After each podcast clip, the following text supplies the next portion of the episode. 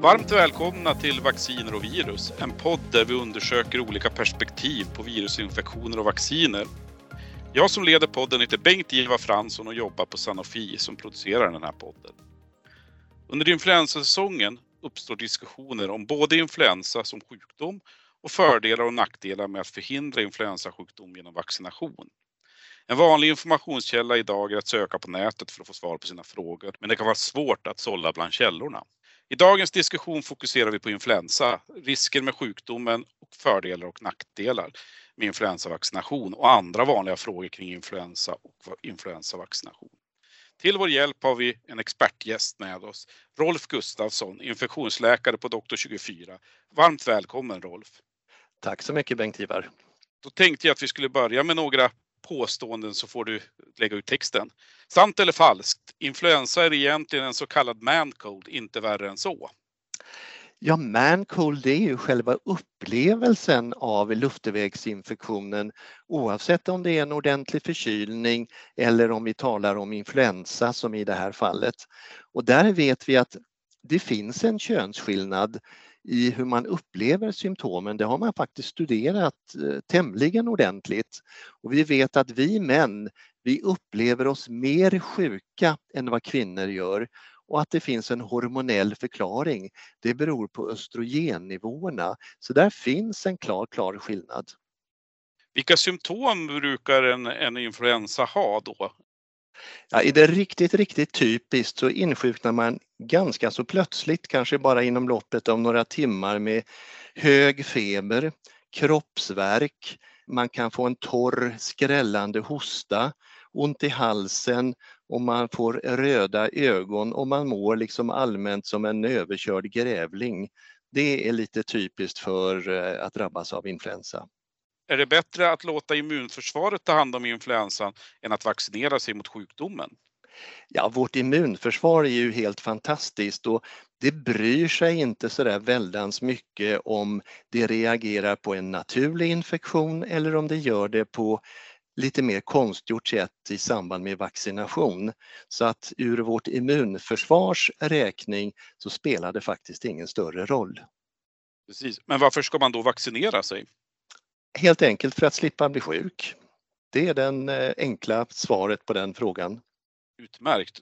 Sant eller falskt? Influensavaccinet kan ge dig influensa.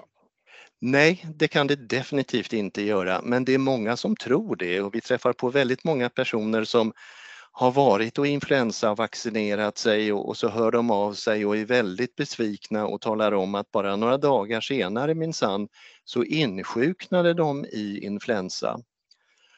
Och så kan det mycket väl vara, men det beror inte på vaccinet.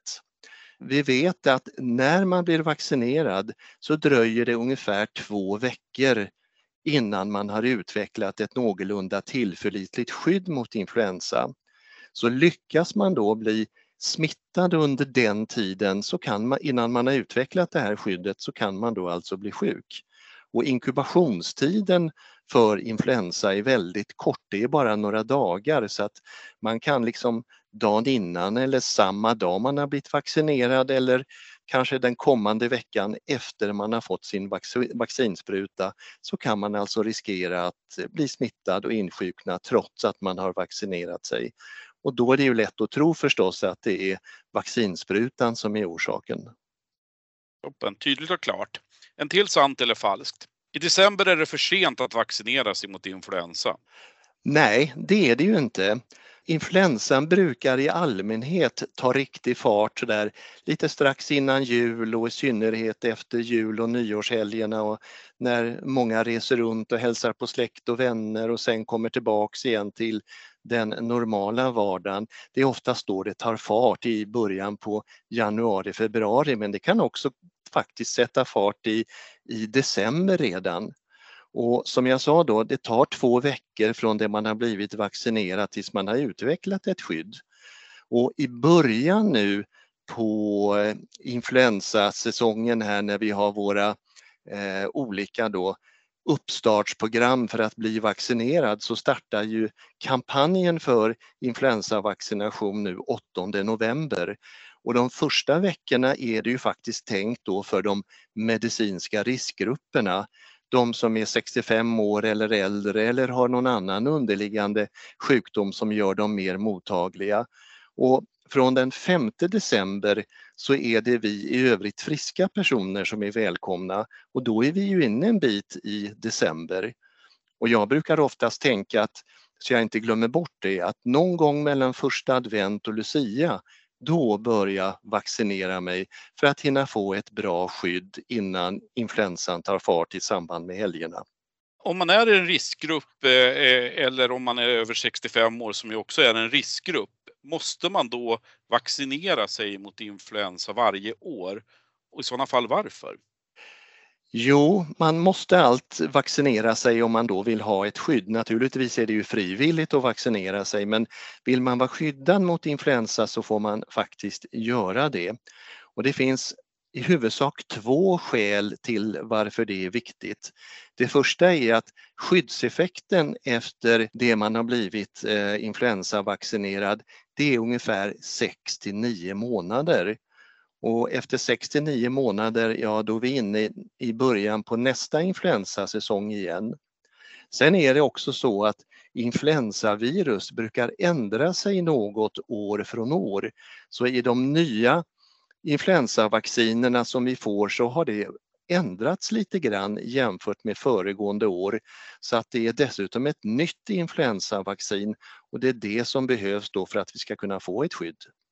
En kommentar som ibland hörs det är det att det är ingen idé att vaccinera sig mot influensa då vaccinet inte ger 100% skydd. Vad säger du om det? Ja, tycker jag är lite svårt att förstå den inställningen. Jag tycker det är ganska fantastiskt att åtminstone då sex eller sju av tio personer som är vaccinerade får ett skydd. Det är ju inte så illa det.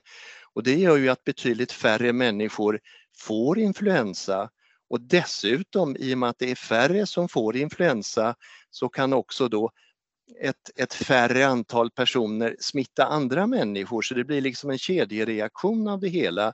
Så det ena goda resulterar i den andra så att det totala antalet sjukdomsfall av influensa i samhället minskar och det är väl inte så tokigt tycker jag.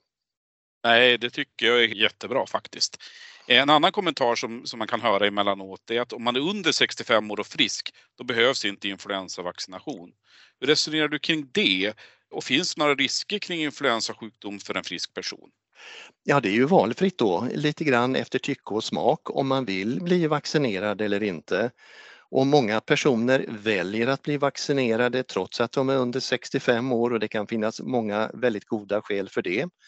Det kan vara att man är väldigt rädd och försiktig om en nära anhörig som kanske finns i samma hushåll som är väldigt infektionskänslig eller kan riskera att drabbas väldigt allvarligt. Så det kan ju vara ett skäl.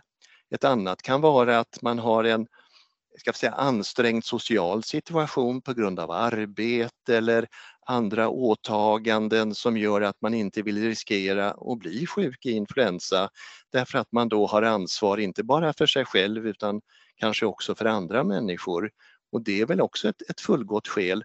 Och andra tycker bara att det är förbaskat jobbigt, för att tala svenska, att drabbas av influensa och det har man inte lust med och väljer att vaccinera sig av det skälet. Så det är väl alldeles utmärkt bra att vi har den möjligheten om man så önskar. Ja, jag håller helt med dig. Tycker du att man kan dra paralleller till covidvaccinet där det ju har blivit ganska tydligt att det inte räcker att bara vaccinera äldre och riskgrupper?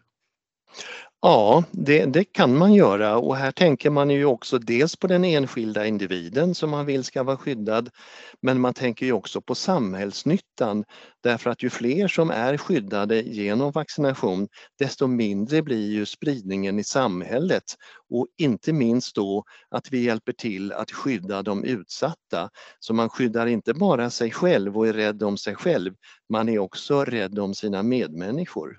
Eh, en annan fråga är att i vissa länder rekommenderar man influensavaccination för barn för att minska spridningen på förskolor och eh, smitta till eh, äldre, till exempel mor och farföräldrar.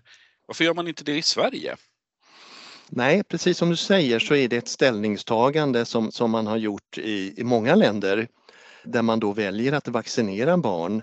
I Sverige har vi inte den traditionen och vi brukar inte rekommendera att barn blir vaccinerade men de föräldrar som vill låta vaccinera sina barn kan mycket väl få lov att göra det. Och man kan ju vaccinera barn redan från sex månaders ålder. Sen är det en, om vi nu ska prata om vårt fantastiska immunförsvar, så är det så att när man drabbas av influensa så får man en bra, vad ska vi säga, grundstrykning. Det är lite grann som när man målar hemma, man ska ju grunda först. Och har man haft influensa en gång eller ett par gånger, då har man grundat väldigt bra, vilket gör också då att man har ett mer långvarigt skydd som man sen då kan puffa på och förstärka med hjälp av vaccinationer senare i livet. Och har man ett barn som tillhör en medicinsk riskgrupp, ja då ska man ju absolut överväga att eh, se till att det här barnet blir vaccinerat mot influensa. Men möjligheten finns även här i Sverige. Ja men toppen, det var klargörande kring just den biten. En annan fråga är att Folkhälsomyndigheten rekommenderar alla som är gravida efter graviditetsvecka 12 att vaccinera sig. Varför? Mm. Jo, det är därför att man under graviditeten kan riskera att bli betydligt mer allvarligt sjuk. Och ska vi nu prata om det här med man cold som vi började med så är det så att ju längre graviditeten fortgår så sjunker östrogennivåerna vilket gör då att kvinnor kan också bli mer allvarligt sjuka på grund av de här förändringarna i hormonnivåerna. Och det är ju inte så svårt att räkna ut, och även för oss män då, att har man en väldigt stor mage som trycker upp mot lungorna och dessutom då riskerar att behöva få influensa och ha mycket torrhosta och må jättedåligt så blir det kämpigt. Och ska man då också, vilket man ska vara, vara väldigt återhållsam med läkemedel som lindrar under den här tiden så är det verkligen inte svårt att förstå att, eh, att undvika influensa under graviditeten, i synnerhet den senare delen av graviditeten, känns ju väldigt, väldigt angeläget. Och de vacciner vi har idag mot influensa, där är man ju väldigt säker på att de just är både effektiva och säkra vacciner eh, som man då kan ge under graviditet utan komplikationer. Det är bra att vi skyddar även de gravida. En till sant eller falskt? Studier visar att influensavaccination minskar risken för hjärtinfarkt. Ja, det gör det faktiskt och det har man sett högst påtagligt. Och i samband eller i efterförloppet nära anslutning till att man har haft influensa så är det till och med att man har en tio gånger ökad risk att drabbas av hjärtinfarkt. Och inte bara det, det är en klart ökad risk att drabbas av stroke och man har räknat ut att den risken ökar med ungefär åtta gånger. Och likaså de kända komplikationerna till influensa, det vill säga lunginflammation, det ökar också dramatiskt naturligtvis i efterförloppet till influensa.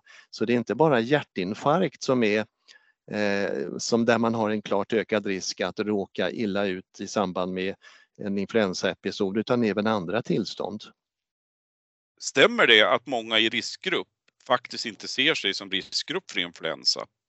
Ja, visst är det märkligt med, med, med, oss människor, det måste vi nog ändå säga. Och det ligger ju någonting lite positivt och optimistiskt i det, att man kanske inte upplever sig sjuk fast man egentligen då tillhör en medicinsk riskgrupp.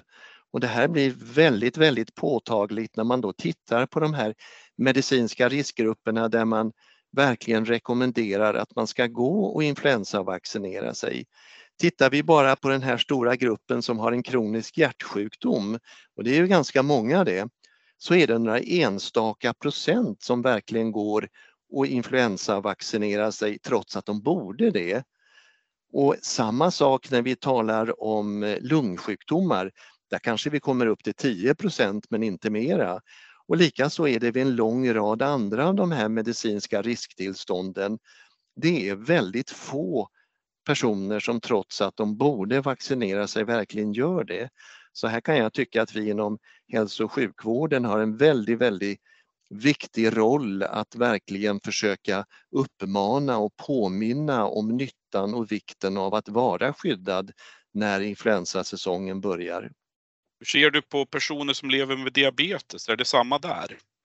Bra att du tar upp diabetes, för oavsett om man har diabetes typ 1 eller typ 2 så ska man vaccinera sig. Man tillhör ju en medicinsk riskgrupp och man kan riskera att få Eh, inte bara att man blir febersjuk och blodsockervärdena åker upp och ner utan risken är ju påtagligt mycket högre också att man hamnar på sjukhus och det blir andra tråkigheter. Så definitivt om man har diabetes. Vi börjar närma oss slutet. Är det något som jag inte har tagit upp som du skulle vilja tillägga Rolf? Ja, det finns mycket att, att prata om det här med influensa och vi, vi har ju sett nu att när vi dessutom då har en covid-pandemi som pågår så vet vi att av de symptom man utvecklar i samband då med en luftvägsinfektion så kan man inte säkert själv skilja på om man har råkat ut för en det ena eller det andra. Det är också så att vår sjukvård har ju fått kämpa något alldeles oerhört enastående där många då av sjukvårdspersonalen är ordentligt slitna. Och jag tycker att Dels för att vi ska skydda oss själva men också för att vi ska underlätta för vår sjukvårdspersonal så kan det väl vara en klok och god gärning att se till att vara skyddad både mot covid och mot influensa och se till att vi med de enkla medel som vi kan bidra med, det vill säga att vara vaccinerade, försöker göra deras arbete lättare nu när säsongen för luftvägsinfektioner börjar ta fart ordentligt. Toppen! Stort tack Rolf för din medverkan idag. Tack så mycket själv. Ett stort tack till dig som har lyssnat. Vacciner och virus återkommer med fler avsnitt. Återhörande.